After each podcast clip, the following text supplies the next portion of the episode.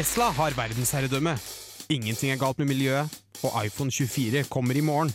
Men først Garasjen. Garra!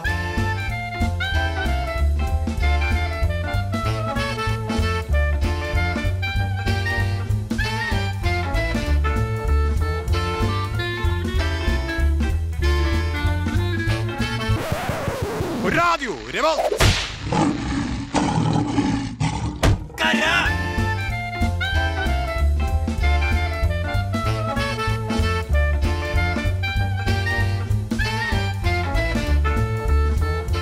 Ja, det stemmer. Du hører på Garasjen denne snøfylte søndagskvelden 26. februar 2017. Mitt navn er Martin, jeg skal være kveldens programleder, og med meg i studio har jeg tre andre. Bak teknikerspakene har vi Jørgen. Ved min høyre side har jeg, Mathias. og på motsatt side av bordet står Bård. Ja, hei alle sammen. Hei sann. Hei. I dag skal vi prate litt om eh, sikkerhet, grensekontroll og datasikkerhet. Vi skal snakke litt om passordsikkerhet. Vi skal snakke litt om eh, patentrettigheter på eh, en rykende fersk teknologi. Litt om eh, Vips og Facebook og ja, egentlig mye rart innenfor teknologi. Det blir spennende. Det Som blir vanlig. spennende, vet du. Ja, som vanlig. Ja. Jeg tenker vi starter sendingen vår ved å gå til første låt. Her får du Lumiguide med 'Explorers and Destroyers' her i garasjen på Radio Revolt. Hei, jeg heter Bendik Eger. Du hører på Garasjen på Radio Revolt. Det gjør du. Og vi skal prate litt om eh, personvern og grensekontroller. Eh, rett og slett fordi det blir jo stadig oftere nyheter som dukker opp om personer som blir nektet inngang inn i spesielt USA, basert på ja, at noen har gått gjennom telefonen deres og sett hva de har av personlig info. Jeg fant en artikkel nå nylig om en person som basert på Snuff-profilen hans, som sånn jeg forstår er litt à la Grinder, homofil sjekkeapp, eh, ble mistenkt for å drive og selge sex, enda det så vitterlig ikke var tilfellet. Mm. og dermed ble nektet tilgang, eller inngangen i USA, eh, enda han reiste fra Canada, som i stort sett ikke er de mest skremmende folka. Eh, var, det- dette via fly? Ja, via fly. Ja. For det som er, er at eh, i USA så har man jo The Fourth Amendment, og det sikrer at du er eh, Altså for at noen skal kunne søke gjennom eh, eiendelene dine, så må de ha en, eh, en, en sunn mistanke Ja. eh, og en rettsordre, som regel. Men det som eh, da er med, med grensekontrollen, er at det her ligger litt i sånn ingenmannsland, så å si. Eh, for de har Eh, de har et unntak som tillater dem å sette opp grensekontroll uten mistanke. Altså De kan ha en generell kontroll. Ja. Eh, og da har det vært flere tilfeller hvor, hvor grensevaktene rett og slett tar folk inn i et intervjurom og sier hei, jeg skal gjerne ha telefonen din. Jeg trenger at du låser opp den telefonen for meg og gir den til meg. Og så går de ut av eh, rommet med telefonen, og så vet ikke du hva som skjer. med Eh, Kan dette igjen bare skje i internasjonalt farvann, skal jeg si? Ja, Det kan ikke skje i i innenlands-USA, for der er du beskyttet av det fjerde grunnlovstillegget. Ja. Så der vil du være beskyttet mot et tilfeldig søk. De, altså, de har lov til å for sette opp eh, politibarrikader hvis de mistenker at det er folk som fyllekjører, for det er en sånn generell sveip. Men det å liksom si at vi vil se på mobilen din for vi tror du handler narkotika, det kan de ikke gjøre uten å ha en, en mistanke om det og en rettsordre som tillater dem å gjøre det. Men det er her flyplasser og, og den typen terminaler er litt spesielle. da. Og da er det mye spennende som skjer, vet du. Fordi hvis jeg gir fra meg telefonen min eh, og låser den opp, så kan man jo få vanvittig mye informasjon om meg. Ja, Du kan jo basically få all informasjon om det. Ja, men Du kan få bilder, du kan få eh, kontaktene mine, du kan få hvem jeg har ringt. Du kan gå inn i alle appene jeg har på telefonen og se hvem jeg har kontakt med, hva jeg sender av meldinger osv. Ja, det, det, og jeg skal innrømme at jeg skriver mye rart i de chattene jeg er med i. Mm. Så det er ikke alt som eh, bør ut. Nei, ikke sant? Og sarkasme er litt vanskelig å forstå i chat en gang iblant. Ja, Det er veldig vanskelig å forstå, i hvert fall når du er, har, la oss si du har mistanke på det. Og så ja, han den fyren tror helt med dop. Ja. Og så har jeg skrevet en, gang- en chat en gang at ja, jeg, var på Plata i går og kjøpte meg noe drugs og smilefjes. Ja, ikke sant? Ba- Bare på, for artig, da. Mm. Og det, det er jo det at eh, hvis det her først blir tatt Altså hvis den informasjonen her blir innhentet av eh, federal law enforcement, så kan de jo bruke det mot deg i en hvilken helst rettssak også. Ja. Og det, det er litt skummelt. Det er veldig skremmende. Men hva skal en gjøre for å unngå at dette skjer?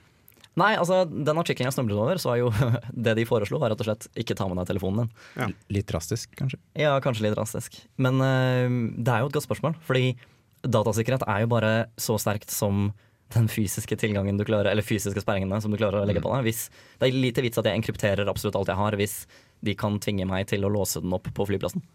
Hva skjer hvis du nekter?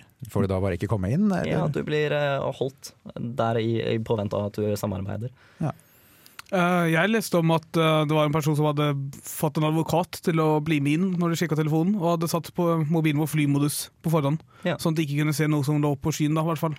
Ja, for det, det, vil jo fungere bedre enn å ikke gjøre det, i hvert fall. Ja, for det som også er interessant, er at det her omgår jo alle de Det har jo vært kjempe, kjempesaker med Apple og eh, andre store selskaper som nekter å bygge inn bakdører i disse telefonene, rett og slett fordi du skal ikke ha den tilgangen.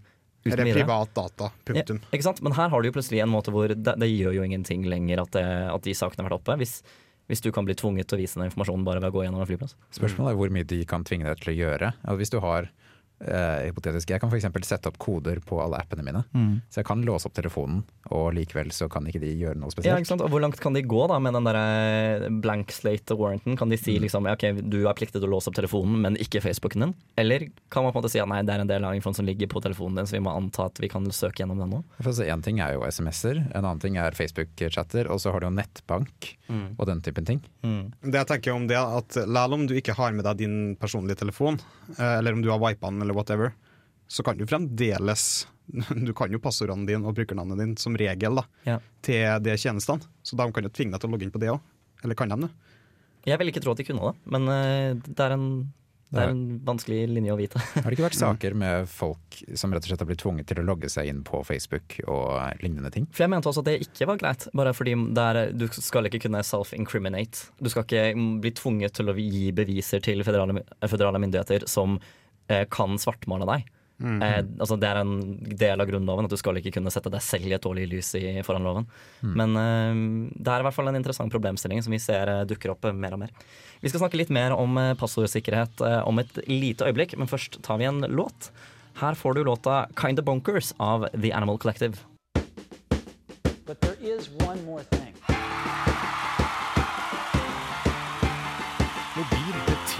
Du lytter med sånn der eh, tankekraft. Ikke kan brukes til det. Og så fikser han seg helt selv. Ukas dings i garasjen. Ja, vi er kommet til ukas dings, og ukas dings handler om passord og sikkerhet. Stemmer det, Mathias? Det stemmer. Eh, Kan vi diskutere om det kan kalles en dings, men i hvert fall en tjeneste. Eller flere tjenester. Eh, passordtjenester generelt. Eh, type LastPass, Dashlane, OnePassword, KeyPass. Finnes mange av dem. Eh, det de gjør, de har jo funnes lenge, det er jo ikke en nyhet, men eh, det er ikke alle som bruker det. Det, det de gjør er at de lar deg lagre alle passordene dine veldig trygt i et slags digitalt hvelv. På telefonen din, PC-en din, eh, internett, skyen Et etc. Um, som rett og slett lar deg ha Som lar deg slippe å huske dine egne passord. Da. Ja. Eh, jeg bruker det for eksempel, og da kan jeg bare når jeg skal registrere meg på en side, bare generere et passord på 20 tegn eller noe, helt tilfeldig. OK. Ja. Jeg trenger ikke å huske mitt eget passord. Uh, og det, det har jo gode sikkerhets... Uh, altså, du får en veldig mye tryggere passord. Bruker ikke det samme dårlige passord overalt. Uh, og ja. For, bruker du, når du bruker LastPass, bruker du det på datamaskina din? Eh, jeg bruker det på datamaskinen min og på telefonen min. Ja, men sånn, til pålegging på selve datamaskinen? Å, sånn, ja. For Mm. den, det, det er jo kanskje litt tungvint å ha et crazy passord igjen. Det funker ikke på Ubuntu i hvert fall. Nei. Nei, for jeg, jeg har nylig blitt eh, frelst av det her. Jeg eh, skaffet meg Dashlane nå midt i uka. Idet jeg rett og slett innså at jeg har veldig mange nettkontor. eh, veldig mange kontor for veldig mange forskjellige steder fra langt tilbake i tid. Og selv om jeg har tenkt at jeg har vært flink på å bytte i passord, så har jeg jeg har ofte hatt mange passord som overlapper med hverandre, og så har jeg oppdatert noen plattformer med noen nye passord. Men det er på en måte Det er alltid ting jeg husker som ikke er så veldig kompliserte, og det har alltid vært gjenbruk av det, selv om jeg prøvde å unngå det stort sett. Men eh, jeg ble da frelst da jeg drev og leste litt om, eh, om datasikkerhet nå denne uka her, og plutselig kanskje ble litt paranoid, eh, og fant ut at nei, det er på tide at jeg tar grep. Så jeg gikk gjennom 54 forskjellige kontoer. Oi. Fra Netflix til PayPal til Facebook til eh, Steam På én dag. På én dag. Det er sterkt. Og bare rett og slett alle stedene hvor jeg husket passordet, så lot jeg den generere et nytt passord til meg. Og alle stedene jeg ikke husket det, så gikk jeg gjennom den der 'jeg har glemt passordet mitt', tilbake til passord, generere et nytt passord, og så få det inn i Dashlane-velvet mitt. Um, men jeg har hatt PC-ene mine har fremdeles, altså laptopen min og stasjonære PC-en min har fremdeles gamle passord som jeg husker selv, som jeg anser for å være sterke. Og så har jeg ett sånn master password, som er eh, veldig sterkt, tror jeg, til, eh, til selve Dashlane. Og så har jeg alt resten der inne. Ja, for det er jo tingen, Man må jo ha et veldig sterkt passord som skal passe på alle passordene dine. Ja, nei, jeg tenkte, dårlig, jeg tenkte, password så- eller admin på det. Ja. det Ja, nei, ja, nei 1, 2, 3, 4, 5, 6 er faktisk det nyeste og beste nå. ja, ok, ja, jeg får oppdatere med det. Ja, Mm. gjør det. Uh, For uh, det er jo mange fordeler med det. Det blir jo veldig mye tryggere. Men samtidig er det jo litt upraktisk. Det er veldig ikke- upraktisk. Ja, for uh, hvis jeg f.eks. er hjemme hos noen andre eller et eller annet sted, skal inn på en eller annen tilfeldig PC og logger meg på eh, et eller annet, så husker jeg jo ikke passordet. Da må jeg inn og sjekke. Ja. Uh, og det er jo et ekstra ledd, og så har jeg jo i tillegg tofaktorautentisering. Og, Og så er det sånn. sikkert også et veldig vanskelig passord å skrive. Store Ja. bokstaver, små Ja. bokstaver. Og, ja, det tar Ja. tid, da. Det var en sånn ting som jeg var veldig bekymra for. At, uh, det her, er det her noe som kommer til å plage meg mye? da? Uh, men det som solgte meg med Dashlane, i hvert fall, var det her at den, på alle, alle de devicene jeg bruker til vanlig, så har den automatisk innlogging bare på at du har det som en extension i Chrome. Og så hvis den finner en side med bruker, som et sted hvor du har en bruker, så logger den deg automatisk inn. Så jeg slipper å måtte taste ned hver gang. Ja, det er veldig greit Ja. på, person, på din egen Ja, datamaskin. men i tillegg så har jeg en app på telefonen min som synker med, med samme, altså mot samme hvelvet. Mm. Eh, sånn at jeg har alle passordene mine med meg på app dersom jeg skal logge inn på en PC jeg ikke har vært på før. Eneste problemet er det at jeg må slå opp passordet mitt og bruke Ja. litt tid på å taste det inn. Men jeg tenker at det får eh, heller være verdt det. Ja, jeg, jeg er for så vidt enig i at det egentlig er verdt det. Mm. Det er bare at eh, jeg har ikke blitt forelska med sånn tjeneste ennå. Jeg, jeg støtter meg at jeg har lange passord, eller passetninger. Mm. Mm. Har du langt passord, så føler jeg at da er det sikkert nok. Mm. Eh, Men eh, jeg har jo også på de viktigste kontoene mine, eh, og det er hver gang jeg skal logge inn på dem, så øh, Da må jeg ha på telefonen min og finne det forbanna passordet. Det er litt sånn, Hvis telefonen din blir ødelagt, så blir det litt sånn irriterende. Ja. Men eh, Bård, du er en datafyr, er du ikke? Det stemmer. Ja, har du noe tilsvarende tjenester? Jeg bruker LastPass nå for tiden. Ja. Uh, og så har jeg i tillegg en sånn flott uh, hardware uh, tofaktorautentisering. Og er sånn. USB-nøkkel? ja. Ja, akkurat. Hva bruker du den til? Uh, til altså, kontor som støtter det, så kan jeg da plugge den i og touche den på, for at ikke en maskin kan, kunne- eller robot skal kunne trykke på den. Den er varmesensitiv. Og så viser den at det er meg, da. Eller en digital representasjon av meg. Ja, for du, du er uh, bekymra for at det er roboter som kommer til å stjele passordet ditt, eller? Nei, men jeg lærte det på forrige uke, tror jeg, at det er faktisk, den sjekker varme. Så Ja. det er litt kult. Det er ganske kult. Det er ganske fancy. Mm. Ingen av passordene mine er varmesensitive. Så Ikke mine der. Når vi snakker om roboter som stjeler passord, så kan vi jo nevne det at m- man beskytter jo som oftest ikke passordene sine mot, fra mennesker direkte. nei. Uh, Det er gjerne hvis noen passord blir lekket, da i kryptert form, uh, så vil folk sette i gang og få en datamaskin til å lese gjennom alle sammen og prøve, prøve ett og ett passord Ja, forskjellige egentlig. med forskjellige smarte mønstre eller mindre smarte mønstre, og helt til de finner noe som matcher. Og da er det gjerne at de ser på mange millioner passord på en gang, og finner da plutselig at ja, det var to stykker som matchet denne her. Ja, nei, men For alle de som eh, da er litt bekymra for passordene sine der ute, så kan man vurdere en eh, password manager. Det er det i hvert fall flere av oss i studio som har gjort. Så det var da ukas dings. Her får du uh, Sunshine Crawlers av Haunted Mansions i garasjen på Radio Revolt.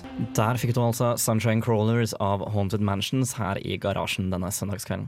Vi skal snakke litt mer om uh, passord. Um, jeg har oppdaget nylig at uh, et av de vanligere passordene som har begynt å bli brukt, er Correct Horse Battery Staple. Som var et forslag fra XKCD på hvordan man kan lage litt mer komplekse passord. Ved at man Ja. setter ord sammen og liksom setter det i en sammenheng for seg selv. Ja, jeg har sett det minnet òg. Ganske fascinerende. For det er altså ikke et godt eksempel på et godt passord, ettersom at det nå har blitt veldig kjent. Mm. For det ville jo vært et OK forslag, hvis det Ja. ikke var nettopp fordi at det har vært på XKCD. Ja. For det, det å ha sånne passordsetninger er jo da blitt, eh, er blitt en nyere greie. Men eh, det er jo ikke alltid en like god idé, eller hva? Bård? Nei, eh, det er det ikke. Fordi de som prøver å knekke passord, har gjerne ofte en ordbok med masse ord, og bare prøver alle mulige sammensetninger av det. Fordi det er mye mindre kombinasjon av det enn det er muligheter av liksom bare rene bokstaver. Ja, det, det er jeg for så vidt enig i. Men med en gang du gjør en variasjon på et ord, Da føler jeg at da knekker du den algoritmen ganske Det fort. spørs litt på variasjonen, da. Fordi det er også, de er også gjerne funksjonert for å bytte ut uh, bokstaver med kjente tall og sånt. For eksempel en i som blir et ett-tall uh, osv. Ja, men Det går an å bare ha et tilfeldig tall midt inn igjen, eller Ja. en hashtag whatever. Det er så veldig ha- bra. Så bryt, bryter du det ganske kraftig. Da. Nei, det er verdt å ha med seg at uh, selv om passordsettinger er en god tanke, så er det ikke alltid så sikkert som man skulle tenke seg. Nei, Jeg må tenke seg litt om det nå, Ja. for så vidt. Vi tar en, eh, en kort pause her i garasjen. Uh, først så skal du få Fantasiflukt med drøm, og så er vi straks tilbake med mer teknologinytt.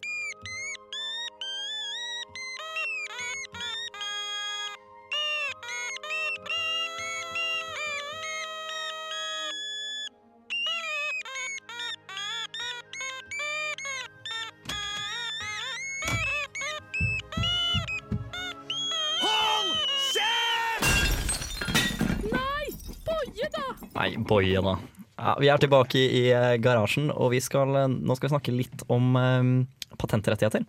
Uh, ja, Mathias. Ja. Um, CRISPR er en teknologi som har vært mye i vinden for tiden, og mye i mediene. Uh, CRISPR er en forkortelse. Det står for Clustered Regularly Interspaced Short Palindromic Repeats. Oi, Ja, uh, Det er egentlig veldig unødvendig å vite det, men jeg tenkte jeg ville nevne det likevel. Hva er dette for noe? dette er en teknologi som uh, muliggjør å rett og slett forandre gener. uh, på en- ja, på en mye enklere måte enn en man har fått det tidligere. Eh, I levende celler.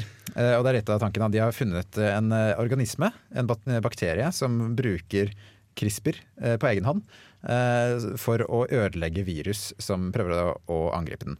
Og så har de brukt eh, denne, lagd en, eh, en metode ut av det som heter CRISPR-Cas9. Eh, trenger ikke å nevne hva det står for, eh, men eh, denne lar deg rett og slett endre gener når du har DNA liggende på forskning på laben. da. Altså, jeg synes vi skal påpeke at De folka som gjør det her, er geniale mennesker som eh, kan så utrolig mye mer enn det jeg noensinne kommer til å kunne. Men navngivning, det er kanskje Det ikke kan deres de sterkeste felt. Nei. Nei, men det høres litt kult ut, da. CRISPR. CRISPR. CRISPR Cas9? Carni? Cas9. Cas9. Og det morsomme er at C-en i Cas står for CRISPR. Men eh, det er litt gøy hvis du driver med Gnome og har sånne celler ja. Nei, eh, nok om det.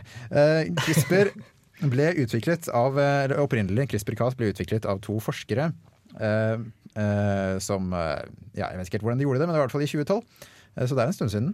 Eh, De, eh, de var ved Berkeley og Max Planck-instituttet. Og de, ja, de fant ut av dette her, og så søkte de om patent, som man gjerne gjør. Ja. De ville gjerne ha patent på denne tingen. Eh, Så ble teknologien videreutviklet av patent eh, Nei, av, eh, av noen andre. Ikke patent. Nei, ikke av patent ved Broad Institute. Som Hvor er det igjen? Det ligger vel i California, gjør det ikke det? Ved Harvard? Ja, la oss si det. Eh, nei, jeg sier feil. Ved MIT og Harvard. Eh, California er eh, Berkeley. Så det er, det er vestkyst mot østkyst, egentlig. Ja, det, det er liksom den interne striden der. Eh, saken er i hvert fall den at nå er de ikke lenger enige om Eller de, de har aldri vært enige om hvem som skal ha patentet på dette her. Så Klart har de ikke. Nei, og det Patentkriger i USA har vi hørt mye om før. Ja. Men greia her da, er at CRISPR er en veldig verdifull teknologi. Det er veldig mange som vil bruke den, og det ligger enormt mye penger i dette her. Og hvem som kan få lov til å selge lisenser til å bruke det. Mm. Eh, Det eh, de andre gjorde, som søkte om patent senere ved Broad Institute ved MIT, eh, de tok denne Cas9-teknologien og la til eller videreutviklet den, sånn at det var mulig å gjennomføre denne metoden på celler fra mennesker og dyr og planter. Mm. Så det vi gjør i dag, det er bruker teknologien fra begge to. Og begge to har søkt om patent på sin del, men den ene bygger jo som sagt på den andre. Og den andre, den videreutviklingspatenten, den ble behandlet først fordi de betalte om særbehandling, eh, for særbehandling. Og de fikk Oh, den innvilget. Oi, Og deretter skulle de behandle den første patentsøknaden. rart. Som den andre bygget på. Um, og det er derfor vi er i et sånt stort eh, rot akkurat nå, da. Så eh, patentkontoret sa rett og slett at nei, vent nå litt, vi må trekke tilbake den første patenten, og så revurdere hele greia. Men den ene bygger på den andre. Men begge to bygger jo på denne bakterien, ikke sant? Ja. Ja, Så har vi ikke egentlig en ganske klar opprinnelig rettighetshaver her? Ja, at, eh, at eh, denne bakterien skal få alle pengene for eh, Ja, Det virker jo bare rettferdig, gjør det ikke? Ja, Hvordan gjør vi det? Gir den masse Sukker. positiv stimuli? Sukker. Ja. Jeg er ikke bakterier glad i sukker. Eh, Du har vært veldig flink som er et individ av denne, denne Men ja, for de har, de har, okay, for det de har gjort, er de har videreutviklet den teknikken som bakterien bruker, og gjort den eller gjort at man kan bruke den. da. Ja, altså De første de, de oppdaget denne, denne teknikken som bakterien bruker, og gjorde det mulig å, at vi kan bruke den selv Ja, okay. på DNA. Og de, den andre gruppen de gjorde det mulig å gjøre dette på menneskeceller og andre lignende celler. Men Mathias, når kan vi egentlig begynne å bruke denne på oss selv? Når kan jeg fikse mine egne gener? Det kommer litt an på hva du mener med fikse dine egne gener. Hvis du har lyst til å liksom trykke på en knapp og så få rødt hår, eller blondt hår, eller mørkt hår, oh, det har jeg lyst på. eller eh, bli kortere eller høyere, eller hva det måtte være, så snakker vi nok en god stund inn i framtiden. Men det man kan gjøre, og det man allerede har gjort, er å rett og slett eh, endre eh, kjønnscellene til, eh, til dyr, eh, eller fosteret fostre. Eh, altså ikke kjønnscellene til fosteret, men bare selve fosteret. Eh, sånn at de vokser opp med spesielle egenskaper.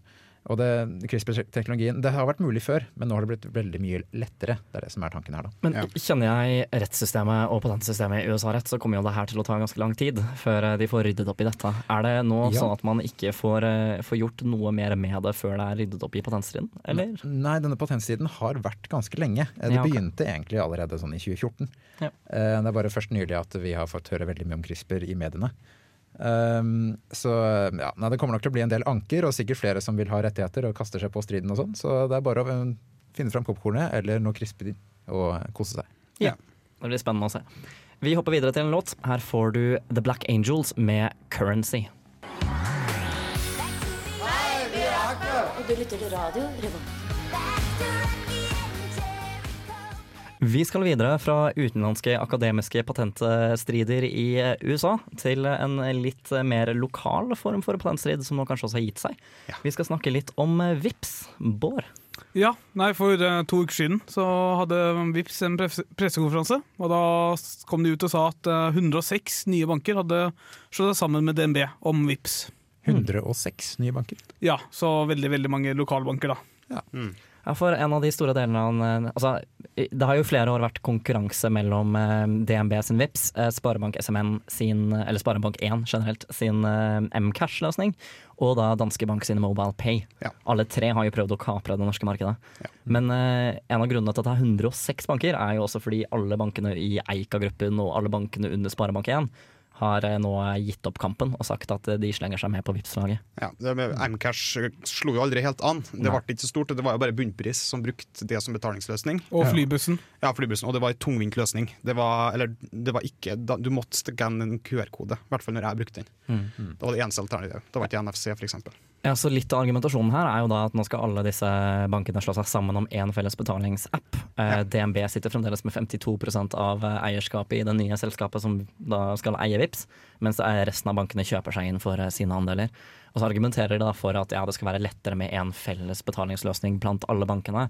Det skal ikke være sånn at du betaler med, ja, med Vips på elkjøp og med Mcash på flybussen osv. Jeg er helt enig i det. Jeg syns det bør komme en standard. Men det er jo to ting som er litt interessante her. For Det ene er jo at man ser de gjør det her kanskje litt fordi de er litt redde for utenlandsk konkurranse. Eh, For Apple Pay har jo begynt å bli stort mange steder i utlandet. Mm, I hvert fall i USA. I hvert fall i USA, ja.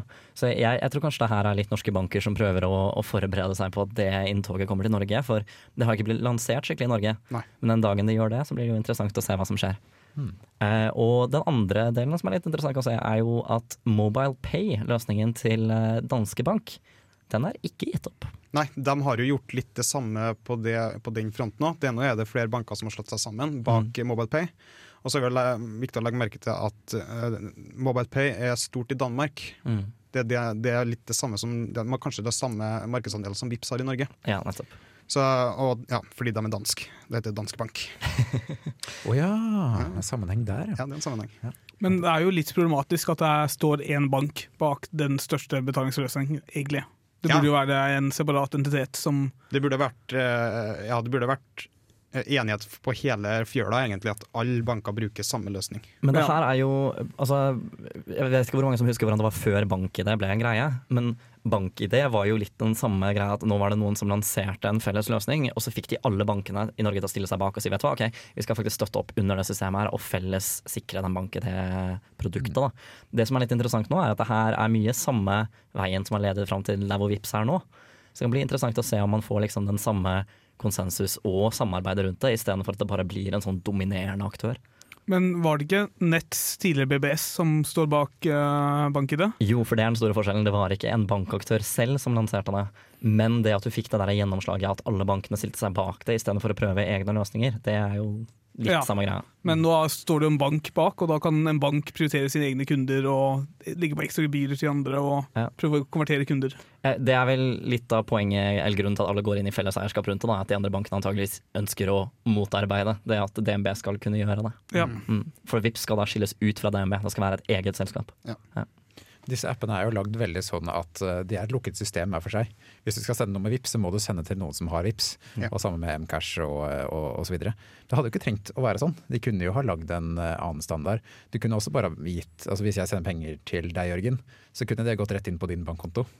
Hadde ikke trengt, og det gjør det jo for så vidt, men det hadde ikke vært nødvendig egentlig at du skulle ha Vips. Nei, det funker jo veldig fint som det er med vanlig nettbetaling. Så er jo samme, da er jo et system som er uavhengig av hvilken bank du har. Så det kunne vært mer åpent for konkurranse og sånn, men det har de selvfølgelig klart å unngå. Men, men det jeg syns er veldig spennende her, er at eh, jeg har jobbet i DNB. Så jeg har fått innsikt i litt hvordan det går med sånn betaling og overførsler mellom konti.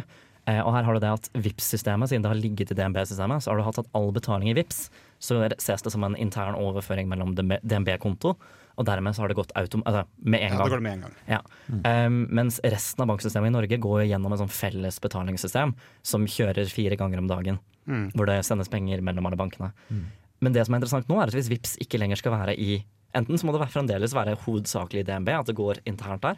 Eller så får vi plutselig et helt nytt oppgjørssystem ved Ja. siden av det faste oppgjørssystemet mellom bankene, som bare er Vips. Eh, for å du skal få de betalingene her til å gå, eller så må de bli lagt inn under det, så det bare blir en vanlig kontooverførsel. Ja. Og da er det jo ikke lenger egentlig Vips. Da er det jo ikke lenger umiddelbart, så de må jo prøve å ivareta det òg. Ja, er, det, er det stort poeng at det skal være umiddelbart? Jeg har alltid sett for meg at det er det, for hele poenget er at du skal kunne se at nå er pengene sendt, og da skal du være ferdig med handelen.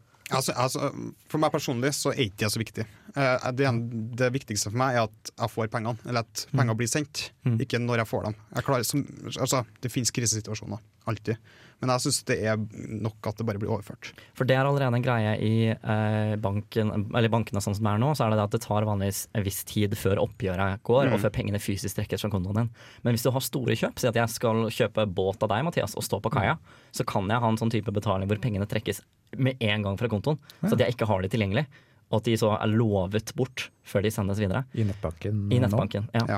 Men jeg tror det er litt den retningen det går nå. Da. At nå, er det, nå ser man at man begynner å gå mot en tid hvor det kanskje er nødvendig med umiddelbar overføring av de pengene her. Det er ønskelig, og datakraft er jo ikke lenger et problem, sånn som det kanskje var en gang i tiden. Nei, Tiden har jo forandret seg, så Mm. det burde jo være åpent for det nå. Men jeg tror det her er første steg på veien til umiddelbar betaling mellom alle banker i Norge. Da. Og det, det hadde jeg ønsket veldig velkommen. Mm, Ja. Jeg er helt enig. Ja, Men med det så tror jeg vi går videre. Eh, da får du eh, neste låt. Det er Kid av As He Said her i garasjen. Det er krise, det er fare. En gris og en hare. Vi startet jo kveldens sending med å snakke litt om eh, personvern, spesifikt ved, ved grensekontrollen i USA. Men personvern er jo aktuelt i mange andre kretser også, og jeg forsto du hadde en liten sak, Mathias? Ja, det er om Facebook, og personvern og Facebook er jo en vanlig to ord som gjerne kommer sammen i nyhetssaker og den type ting. Saken er den at, eh, ja, jeg kan jo starte med det opprinnelige. I 2013 så lanserte Facebook en funksjon i søkeverktøyet sitt, så du kunne søke på Facebook med ganske naturlige setninger og få opp informasjon som matcher om alle vennene dine og alt du egentlig har tilgang til. Ja, For eksempel kan jeg se poster av eh, Christian om kjøkkenet hans. Ja, du kan skrive eh, poster av Christian om kjøkken, og så får du opp masse av det. Og det er en veldig kraftig søkeverktøy. Eh, Og du fikk bare se ting du hadde tilgang til uansett, men det gjorde det veldig mye lettere. eh, altså, Du fikk veldig mye lettere tilgang til, eh, til alle mulige slags ting, da. Den, de deaktiverte den etter hvert. Det, det viste seg at den fantes fortsatt tilgjengelig. Det var mulig å hacke seg til å fortsatt søke, men de fjernet det fra søkefunksjonen sin som standard. Eh, Så det forsvant, da. Det hadde vel også å gjøre med at eh, Facebook brøt det samarbeidet som de hadde med Bing. Ja, det stemmer. Eh, Microsoft sin Bing, det var, det var egentlig de som faktisk var med og ga Facebook denne tjenesten. Det er første gang jeg har hørt om en, eh, en tjeneste som blir eh, ytt av Bing som faktisk er nyttig. Det kan du, det kan du si. Ja. Holdt på å si Microsoft også, men, eh, men vi går videre. For saken er den at ja, nå har det kommet en ny tjeneste som gjør dette veldig lett igjen. Som ikke kommer fra Facebook, men som, som kommer fra noen andre, som bruker denne tingen som fortsatt ligger tilgjengelig latent i Facebook. Hva heter den? Eh, Den heter eh, Nå må jeg bare dobbeltsjekke. Den heter stalkscan.com. Ja, det var jo et lovende navn, da. Ja, det er veldig Ja, mm, ikke noe suspekt ved det navnet i det hele tatt. Eh, eh, men eh, greia er den at den gjør det jo veldig lett å få tilgang til veldig mye rart. Og de har gjort det veldig brukervennlig. Som sagt har det vært mulig hele tiden, men nå er det veldig lett for alle å bruke det. da. Så det er et litt sånn prinsipielt spørsmål. Hvordan, hva syns vi om det? For det er jo informasjon som egentlig man har tilgang til uansett. Jeg kan f.eks. søke opp informasjon om Martin her. eh, som jeg uansett har tilgang til. Mm. Eh, og det har jo Martin bestemt gjennom hvor, hva slags tilganger han har satt på all slags ting han har lagt ut gjennom eh, den tiden han har vært på Facebook. Men nå blir det veldig mye lettere for meg å se det. Er det, er det helt greit, fordi det var offentlig uansett? Altså, jeg tenker det må være greit, for det er jo info som jeg har sagt ja til at skal deles ut, og hvorvidt du finner den. Hvis det baserer seg på ease of access, altså at det bare finner det rettere, men du kunne funnet den uansett. Hvis du bare valgte å fysisk grave gjennom alt sammen. Da tenker jeg at da må det være greit. Samtidig så blir jeg litt skeptisk til tjenesten når den heter Stalkscan. Ja, Det i seg selv får, gjør at jeg er litt sånn uh... Patåsen eh, ja, lider litt under det, kanskje. Det har jo også vært å legge merke til at uh, det her kunne blitt gjort med en eller annen robot på nettet uansett. Og bare gå gjennom siden og sett hva som står der. Så det er ikke så mm. banebrytende, egentlig. Nei da, eh, det er sant. Det er mye av det med big data og sånn også. Mye data som har vært der før, men som nå tas i bruk. Og Samtidig så ser jeg også litt at mye av måten jeg agerer på nett og på sosiale medier, tar jo basis i hva jeg forventer at andre folk ser og hva de finner. Altså for eksempel, jeg, jeg går ikke til veldig stort um, eller veldig godt til grunns for å fjerne poster som jeg postet for fem år siden, som jeg kanskje ikke står inne for i dag. Bare fordi jeg tenker det er jo ingen som ser på hva jeg postet for fem år siden. Det at man nå faktisk får det som en, en realitet, det kan jo være litt, eh, litt spennende eller litt skremmende. Ja. Ja. Ja. Jeg vil tro at det er ganske mange ting ellers i samfunnet også, av informasjon som ligger ute, som egentlig ikke burde være offentlig, men som i prinsippet er offentlig, men bare veldig vanskelig å få tak i. Ja. Jeg tenker Det er også veldig mye som ligger offentlig bare på basis av nei, men det er ingen som kommer til å gidde å slå opp den her uansett. Ja, nettopp. Ja. Og det er, det er den typen eh, ting, da, men så plutselig blir det katalogisert og gjort veldig enkelt tilgjengelig. Det var sikkert litt sånn før, eh, før de store søkemotorene kom også, vil jeg tro. Mm. Eh, Folk tenkte at ja, men ingen går inn på den siden her og ser dette. Mm. Og så plutselig så lanserer Google en edderkopp som går rundt Sjekker bare absolutt alt, Ja. og finner absolutt alt. og lar alle søke veldig lett på det. Jeg tenker Det beste, beste tipset man kanskje kan komme med da, må vel bare være at hvis du vet at du har skrevet noe ille for noen år siden, så kan det være en, en tanke å gå gjennom gamle poster og saker og, og fjerne det. Og ikke minst eh, reviewe de personvernsettingene man faktisk har. Ja. Er, det, er det alt man trenger å dele med alle? Selv om det kanskje er en sånn ja, men det skader jo ikke. Vær bevisst på hvilke innstillinger man bruker. Når Ja. man Har dere lagt ut noe dere føler er, ikke bør vises offentlig, eller som kan, kunne ha skada dere med en sånn tjeneste? Jeg har alltid tenkt ting jeg legger på Facebook, det skal kunne stå i avisen uten at jeg blir eh, Ja, redd for det. ok. Ja, jeg er kanskje ikke så ekstrem, men jeg tenkte at det her er ting som en eh, HR-ansvarlig i et selskap skal kunne søke opp og se ja, er det her kanskje en person jeg vil ansette eller ikke. Eh, Jeg har, nok, jeg har tenkt på det når det legges ut bilder fra fester. Ja. Eh, Så har jeg tenkt at ok, er det, her, det her er ikke noe som jeg vil ha ute. Eh, Og i hvert fall det å gjøre at det ikke er synlig på min profil, men det er jo ofte vanskelig å fjerne det fullstendig. Mm. Men eh, ja, det, det er absolutt verdt å ta inn over seg at personvernet er ingen, ingen liten dings.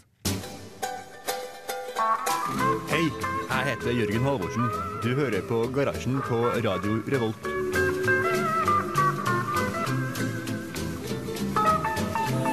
Ja, det stemmer. Du har hørt på Garasjen her på Radio Revolt denne søndagskvelden, men nå har vi dessverre kommet til veis ende og eh, er ferdig for denne gang. Ja. Vi har pratet litt om personvern, vi har pratet litt om uh, CRISPR, Ja, vi har pratet Sikkerhet.